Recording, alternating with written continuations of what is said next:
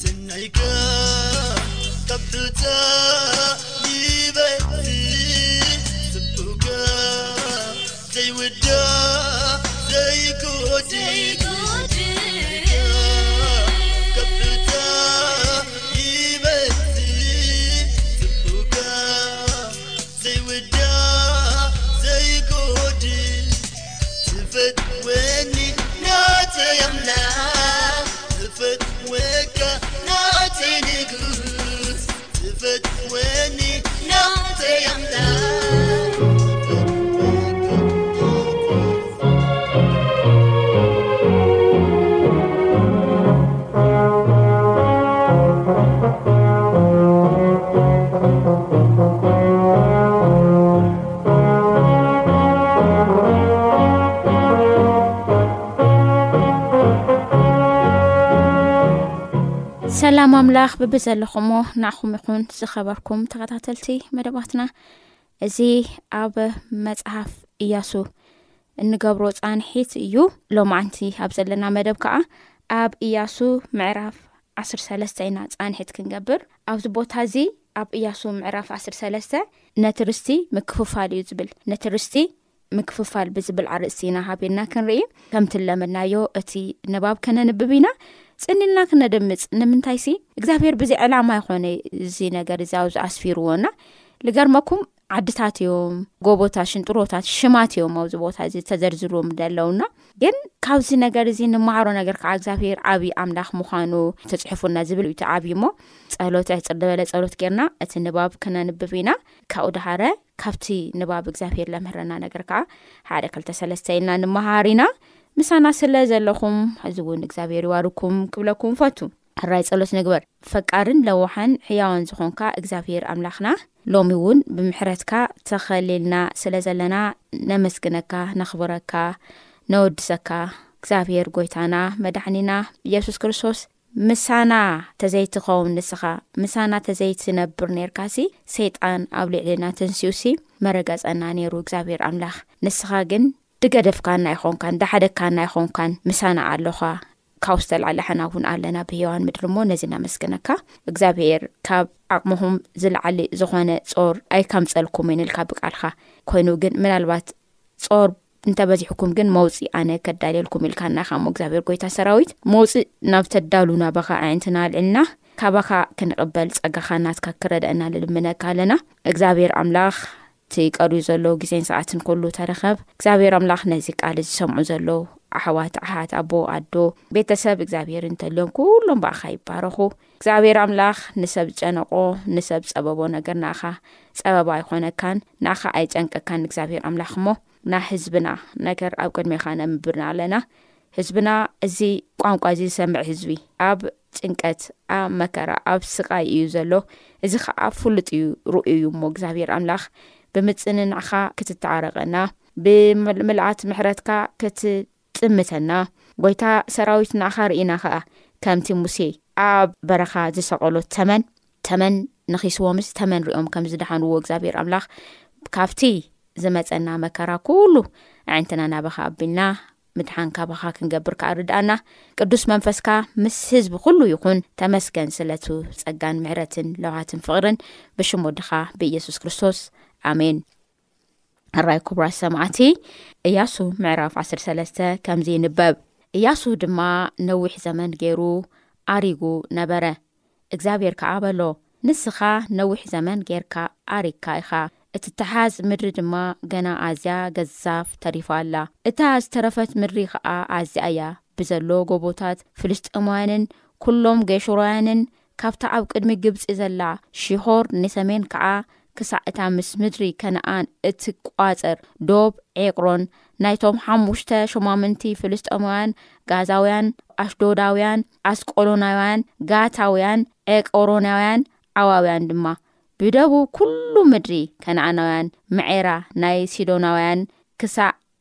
ዓፌቅ ክሳዕ ዶብ ኣሞራውያን ድማ ምድሪ ገባላውያን፣ ብዘሎ ሊባኖስ ድማ ብወገን ምብራቕ ጸሓይ፣ ከምቲ ኣብ እግሪ ከረን ሄርሞን ዘሎ በዓል ጋድ ክሳዕ እቲ ንሓማት ዘእቱ፣ ኣብ ኣክራን ካብ ሊባኖስ ክሳዕ ምስፈሮት፣ ምስረፎት ማይም ዝነብሩ ኵሎም ብዘለው ሲዶናውያን። ኣነ ካብ ቅድሚ ደቂ እስራኤል ክሰጎም እየ፣ ጥራይ ከምቲ ዝኣዘዝኩካ ጌርካ እታ ምድሪ ንእስራኤል ንርስቲ ኣካፍሎም። እምበኣር ሕጂ እዛ ምድሪ እዚኣ ንትሽዓቲኦም ነገድ፣ ንፈረቃ ነገድ ምናሴን ንርስቲ ምቐላ። ምስኡ ሮቤላውያን፣ ጋዳውያን፣ ከምቲ ሙሴ ባርያ እግዚኣብሄር ዝሃቦም፣ እቲ ሙሴ ኣብ ስግር ዮርዳኖስ ብወገን ምብራቅ ዝሃቦም ርስቶም ተቐበሉ። ካብታ ኣብ ገምገም ርባ ኣርኖን ዘላ ኣሮዔር፣ ካብታ ኣብ ማእከል ርባ ዘላ ከተማ ኸኣ ብዘሎ ጐልጐል፣ ሜድባ ክሳዕ ዲቦንውን ድማ ኵለን ከተማታት ናይቲ ኣብ ሐስቦን ክሳዕ ዶብ ደቂ ኣሞን ዝነገሠ ሲሆን ንጉስ ኣሞራውያን፣ ግልዓድን ዶብ ጌሹራውያንን ማዕካውያንን ብዘሎ ከረን ሄርሞንን ብዘሎ ባሳን ድማ ክሳዕ ሳልካ ብዘሎ መንግስቲ ዖግ ኣብ ባሳን እቲ ኣብ ስታሮትን ኣብ ኤድርኢን ዝነገሰ ንሱ ካብቶም ተረፍ ራፋውያን ተሪፉ ነበረ። ሙሴ ድማ ወቂዑ ኣውጸኦም። ንጌሹራውያንን ንማዕካውያንን ግና ደቂ እስራኤል ኣያውጽእዎምን እሞ ጌሹርን ማዕካትን ክሳዕ ሎሚ መዓልቲ ኣብ ማእከል እስራኤል ይቕመጡ ኣለዉ። ንነገድ ሌዊ ጥራይ ርስቲ ኣይሃቦምን፣ ርስቱስ ከምቲ ብዘሎ ናይ እግዚኣብሄር ኣምላኽ እስራኤል መስዋእቲ ሓቡ እዩ። እምበኣርሲ ሙሴ ንነገድ ደቂ ሮቤል፣ ከከም ዓለቶም ርስቲ ሃቦም፣ ዶቦም ከኣ ካብታ ኣብ ገምጋም ሪባ ኣርኖንን ዘላ ኤሮዔርን ካብታ ኣብ ማእከል ሪባ ዘላ ከተማን ብዘሎ ጐልጐል ሜዳ ድማ ሐስቦንን እተን ኣብ ጐልጐል ዘለዋ ኵለን ከተማታትን ዲቦንን ባሞት በዓልን ቤት በዓል ምዔዮንን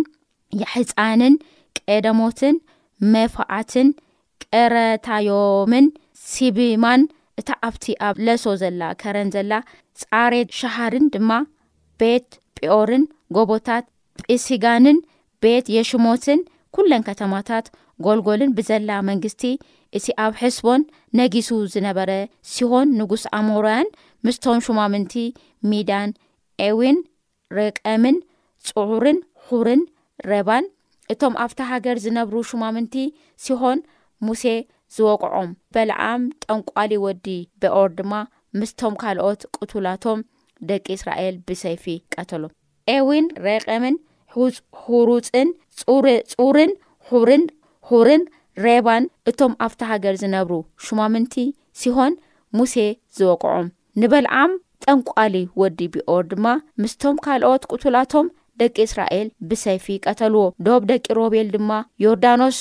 ዶብን ነበረ። ርስቲ ደቂ ሮቤል ከከም ዓለቶም ከተማታትን ዓድታትን እዚ እዩ። ነገድ ጋድ ድማ ንደቂ ጋድ ከከም ዓለቶም ሙሴ ሃቦም። ዶቦም ከኣ ያዔዜርን ኩለን ከተማታት ግልዓድን፣ ፈረቃ ምድሪ ደቂ ዓሞን ድማ ክሳዕ እታ ኣብ መንጽር ርባ ዘላ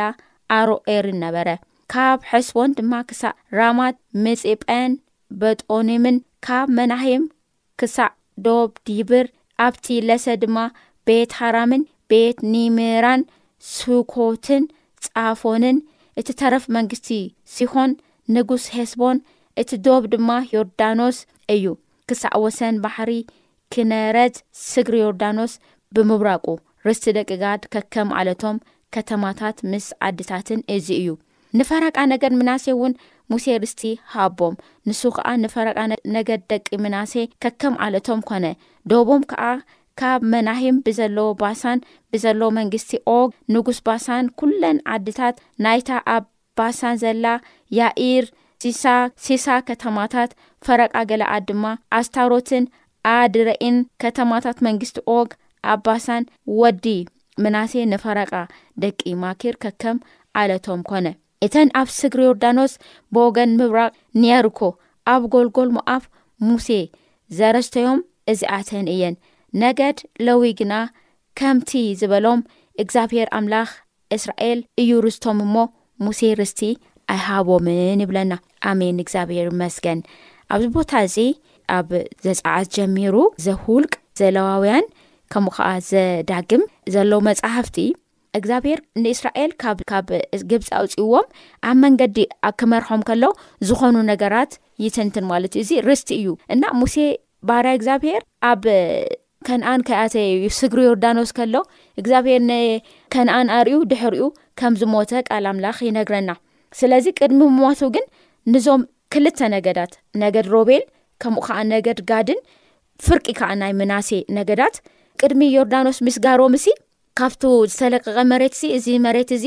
ንጥሪትና ንከብትና ንህዝብናይ ገለ ፅቡቅ እዩ ሞ ካብዚ ሃበና ኢሎሞ ሲ ሙሴ ንምስ እግዚኣብሄር ተማኪሩ ነዞም ሰለስተ ነገዳት ከም ዝሃቦም መሬት ከም ዘረስተዮም ኢና ንርኢ ብድሕሪኡ ኣብ ዘለዎ ክፍሊ ከኣ እያሱ ከኣ ምስ ህዝቢ ዮርዳኖስ ምስ ሰገረ ዝቐረ ህዝቢ ከከም ነገዱ መሬት ከካፍል ከሎ ርስቲ ከርስትዮም ከሎ ኢና ንርኢ ኣብዚ ቦታ እዚ ሓደ ከዓ ናይ በልዓም በልዓም ወዲ ቢኦር ተባሂሉ ኣብ ዝተጠቂሱንዮ እዚ ሰብ እዚ ኣብ ዘክውልቂ መፅሓፍ እዚ ምስ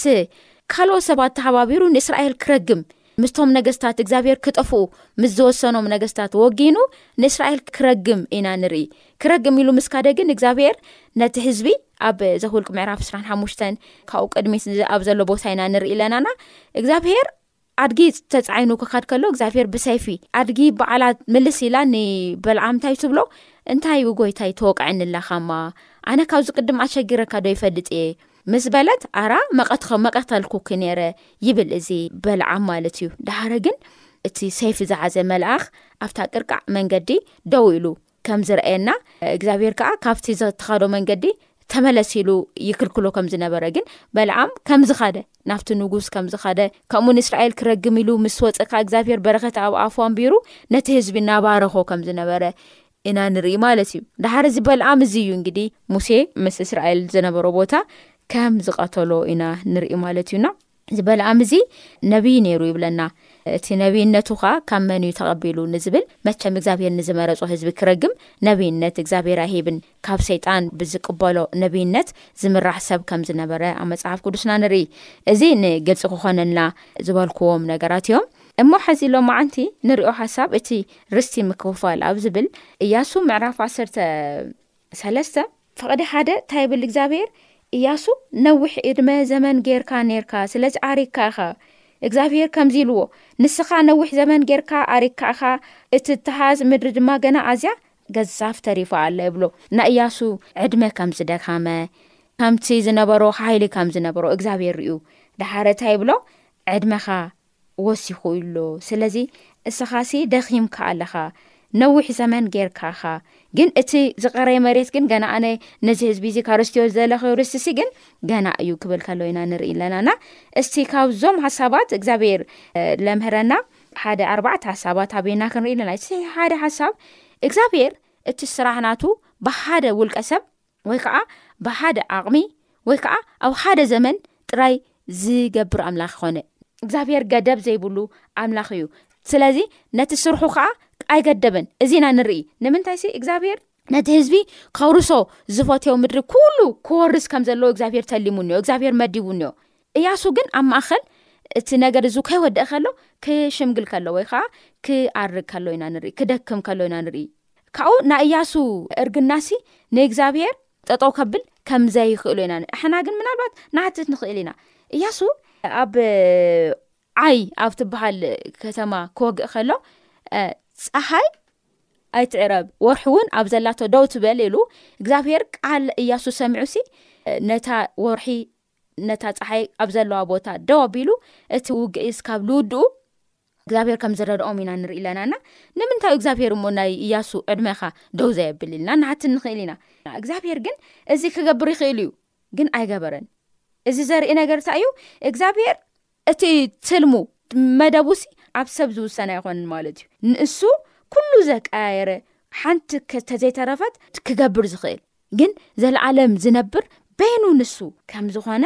ክግለጸልና ይግባእ ማለት እዩ። እያሱ እንተ ኣሪጉ ካልእ እያሱ ይለዓል ማለት እዩ። እቲ ንዘመናት ግን እቲ ስርሑ ከየቋረጸ ዝሰርሕ ኣምላክ ከም ዝኾነ ኢና ንርኢ ማለት እዩ። እግዚኣብሄር ከዓ እቲ ዓቕምና ዝርኢ ኣምላኽ እዩ። ዓቕሚ ይርኢ። ናይ ኢያሱ ኣብዚ ምዕራፍ እዚ ክንርኢ ከለና ኢያሱ ከም ዝኣረገ እግዚኣብሄር ሪኡ። ኣሪጉ ከም ዝነበረ እግዚኣብሄር ሪኡ ካኡ ንስኻ ነዊሕ ዘመን ጌርካ ኣሪግካ ኢኻ ይብልዎ። ንስኻ ነዊሕ ዘመን ጌርካ ከ ኣሪግካ ኢኻ ከም ዝብል ዓቕሙ ሪኡዎ። ኣብዚ ቦታ እዚ እንምሃሮ ሓደ ነገር ታይ እዩ እግዚኣብሄር ናትና ዓቕሚ ዝፈልጥ ኣምላኽ እዩ። እያሱ ርእይዎሲ ካብኡ እያሱ ከም ዝዓረገ እህ ነዊሕ ዘመን ከም ዝገበረ ጉልበቱ ይደክም ከም ዘሎ ዓቕሙ ይከድዖ ከም ዘሎ እግዛብሄር ተረዲኡ ስለዚ ካብቲ ቅድሚት ዘሎ ስራሕሲ እያሱ ክዋጻእ ከም ዘይክእል እግዛብሄር ከም ዝተረደአ ንርኢ ማለት እዩ ስለዚ እግዛብሄር ናትና ዓቕሚ ናትና ጉልበት ናትና ዘለና ነገር ዝፈልጥ ኣምላኽ እዩ እቲ ዘይንክእሎ ነገር ንኣና እንታይ ልገብር ኣይህበናን እንኽእሎ ጥራይ እዩ እግዚኣብሄር ክንገብር ካባና ዝጽበይ ማለት እዩ። እቲ ሳልሳይ ሓሳብ ከኣ እግዚኣብሄር ብምርኣይ ጥራሕ ተዘይኮነስ ብምእማን ብእምነት ክንኽተሎ ዝደሊ ኣምላኽ እዩ። ብዓይንና እናረኣና ብንሪኦ ነገር ብዝሰምዐና ነገር ክንኽተሎ ኣይኮነን ደሊ ብእምነት ብእምነት ክንክተሎ ይደሊ እዩ እግዚኣብሄር ንእያሱ ብዙሕ ገና ዘይተሓዘ ብዙሕ መሬት ኣሎ ኢልዎ ነይሩ ብዙሕ መሬት ኣለዎ እያሱ ነዚ ነገር እዚ ተዋግኡ ኣብ ኢዱ ከም ዘእቲ እግዚኣብሄር ተረድእዎ እዩ ግን እንታይ ኢልዎ ንእስራኤል ሲ ነዚ ምድሪ እዚ ወዘይተተሓዘ ምድሪ ሲ ድርስቲ ገርካ ተግብር ኣካፍል ኢልዎ ኣማቕል ኢሉ ከም ዝተዛረበ ንርኢ ማለት እዩ። ስለዚ እግዚኣብሄር ብእምነት ዝመላለስ ሰብ ኣዝዩ ዝድግፍ ኣምላኽ ከም ዝኾነ ንርኢ እዩ። ኣብ ቁፅሪ ሓደ ክሳብ ሸውዓተ ኣብዚ ዓሰርተ ሰለስተ ክንሪኢ ከለና ርስቲ ጌርካ ነቲ ህዝቢ እንታይ ግበር ኣከፋፍል ኣከፋፍል ሓቦ ኣማቕሎ እግዚኣብሄር እዚ ኢሉ ከም ዝብሎ ከሎ ኢና ንርኢ ሕዚ ሰብ እንታይ ይብል ምርኣይ ምእማን እዩ ይብለካ ምርኣይ ምእማን እዩ ኣብ እግዚኣብሄር ግን ምእማን ምርኣይ እዩ ማለት እዩ ኣሚንካ ኢኻ ትርኢ ምክንያቱም እምነት እንታይ ይብለና ኣብ ዕብራውያን ዓሰርተ ሓደ እምነት ነቲ ዘይረአ ነገር ከም ዝረኣያርካ ጌርካ ምርኣይ ማለት እዩ እያሱ ነቲ ዘይረአ ነገር እቲ ዘይተተሓዘ ምድሪ እቲ ኩሎም ዓነቃውያን ዝተፈላለዩ ዓይነት ኣረማውያን ሰባት ዘለዎ ምድሪ ናይ እስራኤል ከካፍሎም ከለዉ ኢና ንርኢ ምክንያቱም ርስቶም እዩ ናቶም እዩ ኢሉ ብምእማን ማለት እዩ ስለዚ ኣብዚ ቦታ እዚ ንማዕሮ ነገር እግዚኣብሔር ብምርኣይ ተዘይኮነስ ብእኡ ኣብ ዘለና እምነት ንቅድሚት ክንኸይድ እግዚኣብሔር ዝረድእ ዝሕግዝ እምነትና ዝድግፍ ኣምላኽ ከም ዝኾነ ኢና ንርእዩ ኣብ ናይ እግዚኣብሔር ቀመር ዘሎ ምርኣይ ምእማን ወይ ከዓ ኣብ ናይ እግዚኣብሔር ዘሎ ቀመር እንታይ እዩ ምእማን ምርኣይ እዩ ዝብል ኢሉ ማለት እዩ ኣነ ንባዕለይ ካብ ዝሪኦ ነገር ኣነ ንባዕለይ ካብ ሪኦ ፅቡቅ ነገር ዝስደሕ ዝሐሸ ነገር እግዚኣብሄር ንኣይ ዝሪኦ እቲ ዝበለፀ እዩ ክንብል እቲ ዝተርፍ እዩ ክንብል ማለት እዩ ነገዳት እስራኤል ርስቶም ክከፋፈለሎም ከሎ ተፃረሩ ክልተ ነገራት ንረክብ እቲ ናይ መጀመርያ ናይ ሮቤል ናይ ጋድን ናይ ፈረቃ ምናሰይ ነገዳት ኢና ንርኢ እዚኦም ነገዳት እዚኦም ዮርዳኖስ ክሳገሩ ኣይደለዩን ዮርዳኖስ ኣይንሰግርን፣ ኣውዚ ለምለም እዩ፣ ስለዚ ኣውዚ ቦታ እዚ ሃበና፣ ኣውዚ ርስቲ እዚ ሃበና ኢሎም ኣብኡ ተሪፎም። ንጥሪትና ይምቸ እዩ፣ ንናብራና ይምቸ እዩ። እቶም ካልኦት ርስቲ ከኣ ንርኢ ከለና ሌዋውያን እዮም። ሌዋውያን ኣብ ፈቕዲ ሰላሳን ሰለስተ እንታይ ይብል እዙ ንነገድ ሌዊ ግና ከምቲ ዝበሎም እግዚኣብሔር ኣምላኽ እስራኤል እዩ ርስቶም እሞ ሙሴ ርስቲ ኣይሃቦም ርስቲ ዘይነበሮም እዚኦም ብዓይኖም ብዝርእዎ ነገር ስግሪ ዮርዳኖስ እግዚኣብሔር ኣብ ዘይፍቐዱ ቦታ ኣብ ዘይሕሸና ኢሎም ይተርፉ እቶም ለዋውያን ግን ርስቲ ዝበሃል ነገር ኣይተዋቦምን ምክንያቱም እግዚኣብሔር ኣምላኽ ንኣኹም ርስትኹም ኢኹም ምክንያቱም እዞም ለዋውያን ዝበሃሉ ናይ መቅደስ ኣገልገልቲ እዮም እቲ ናይ እግዚኣብሔር ታቦት ተሸኪሞም ዝኸዱ እዮም ኣብ ቤተ መቅደስ ከባቢ ለገልግሉ እዮም ስለዚ እግዚኣብሔር ነዚኦም ርስቲ ኣይሃቦምን ልገርመኩም ግን እዞም ሌዋውያን ርስቲ ዘይነበሮም ሰጊሮም ምስ ዮርዳኖስ ክኸዱ ከሎ ኣው ዝተረፉ እዞም ሮቤል ጋድና ናይ ፈረቃ መናሰይ ነገድ ኣብ ቀዳማይ ነገስ ቀዳማይ ዜና ሓሙሽተ እስራን ሽዱሽተን ቀዳማይ ዜና ሓሙሽተ እስራን ሽዱሽተን ሓምዚ ዝብል ነገር ተፃሒፉ ይሕዝን እዩ ብዛዕባ እዞም ሮቤል፣ ጋድና ፈረቃ ምናሴ ማለት እዩ። ኣምላኽ እስራኤል ድማ መንፈስ ኡል ንጉስ ኣሶርን መንፈስ ቲልጋት ኤልነሴርን ንጉስ ኣሶርን ኣተንሲኡ ነቶም ህዝቢ ንሮቤላውያንን ንጋዳውያንን ንፈረቃ ነገድ ምናሴን ማሪኹ ክሳዕ ሎሚ ናብ ሓላሕን ናብ ሓቦርን ናብ ራሓእልን ኣብ ርባ ጎዘንን እእትዎም ይብል ኣሶር መፂኦም እሲ መጀመርያ ልረኸብዎም መን እዮም ነይሮም እቶም ዮርዳኖስ ዘይሰገሩ ናይ ሮቤል ናይ ጋድን ፈረቃ ምናሴን እዮም ነይሮም ማለት እዩ ሎሚ ናትና ምርጫ እንታይ ይመስል ኣብዚ ሕቶ ክንሓትት ይገብረና ገና ዘይተወረሰ ምድሪ ኣብ ስግሪ ዮርዳኖስ ተቐሚጡ እናልሃለዩ ዓይንና ብዝሪኦ ነገር ዲና ንቕመጥ ብጎይታና ብመዳሕኒና ብኢየሱስ ክርስቶስ ዝተዋሃበና ህይወት ርስቱ ሰፊሕ እዩ ኣሕዋተይ ስኡልና ብንእሽተን ነገር ረክኢና ኮፍ ከይንብል ፀጋ እግዚኣብሔር ተገለፀ ፀጋ ኣዝዩ ብዙሕ እዩ ሰፊሕ እዩ የሕዋተይ ስለዚ ዝገለፀና ፀጋ ካብ እግዚኣብሔር ንቕበል እዚ ነገር እዚ ይነግረና እዞም ሮቤል ጋድና ፍርቂ ነገድ ምናሴ እግዚኣብሄር ኣብ ዘይተስፈሎም ቦታ እቲ ለምለም ሪኦም ካብ ስግሪ ዮርዳኖስ ተሪፎም ዳሃረ ግን ኣሶሮውያን መፂኦም ከም ዝማረኽዎም ካብ ምድሪ ከም ዝበተንዎም ከም ዝጠፍኡ ኢና ንርኢ ኣብ ቦታ ኣብ ዝኾነ ቦታ ከም ዝገበሩን ስለዚ ካብ ፈቓድ ኣምላኽ ከይንወፅእ ምርጫና ኣብ ኣምላኽ ፈቓድ ክኸውን እዚ ይነግረና ክርስቶስ የሱስ ክዛረብ ከሎ ኣብ ወንጌል ዮሃንስ ምዕራፍ ዓሰርተ ፍቕዲ ዓሰርተ ከምዚ ይብል ሰራቂ ብጀካ ክሰርቕ ክሓርድን ከጥፍእን ኢሉ ኣይመፅእን እዩ ኣነ ግና ሂወት ምስ ተረፉ ምእንቲ ክህበኩም እየ ዝመፅእኹ ይብለና ማለት እዩ ስለዚ ምርጫና ሎሚ እንታይ እዩ ምስቲ ሂወት ምስ ተረፉ ምስ ዝህበና ጎይታና ድና ዘለና ወር ኣበይ እዩ እቲ ምርጫና ዘሎ ናብ ክርስቶስ የሱስ ንምጻእ ኣብቲ ንሱ ዝመረጸልና ቦታ ክነቕመጥ ከኣ ክንኽእል እግዚኣብሄር ይሓግዘና ኢና ንብል እቲ ናይ ረኣ ሓሳብ እግዚኣብሄር ቃሉ ዝህሉ ኣምላኽ እዩ ቃሉ ዝሕሉ ኣምላኽ ምዃኑ ንርድኦ ነገር እንታይ እዩ ንኣብርሃም ዝኣተዩ ንሙሴ ቃል ዝኣተዩ ነገር ንእስራኤል ከዓ ንርስቲ ገይሩ ከም ዘከፋፈሎም ኢና ንርኢ ተስፋ ዝተዋህቦ ግዜ እና እቲ ተስፋ ክፍጸም ከሎ እቲ ኣብ ማእኸል ዝነበረ ዕድመ ይሕሉ እዩ ነዊሕ ዕድመ ክኸውን ይኽእል ዩ ሓፂር ክኾኑ እዩ ብቻ ግን ናይ ግዜ ኣፈላለይ ኒኦ እዩ እግዚኣብሄር ግን ነቲ ተስፋ ካብ ምፍፃም ንድሕሪት መንም ከም ዘይመለሶ ኢና ንርኢ ስለዚ እግዚኣብሄር ቃሉ ዝህሉ ተስፍኡ ዝህሉ ኣምላኽ እዩ እሞ ኣብ እግዚኣብሄር ተስፋ ክንእመን እዚ እውን ይነግረና ማለት እዩ ሰብ ይኣርግ ይሽምግል ንስኻ ግን ጉልበትካ ዘይክሕደካ ዘይትድቅስ ዘይትታኸስ ዝተፎተኻ ኣቦና ኣሕና ንዓወት መንገዲ እናረኣና ተዘይኾነስ ንኣኻ ብምእማን ክንጓዓዝ ስለ ዝጸዋዕካና ነመስግነካ ገና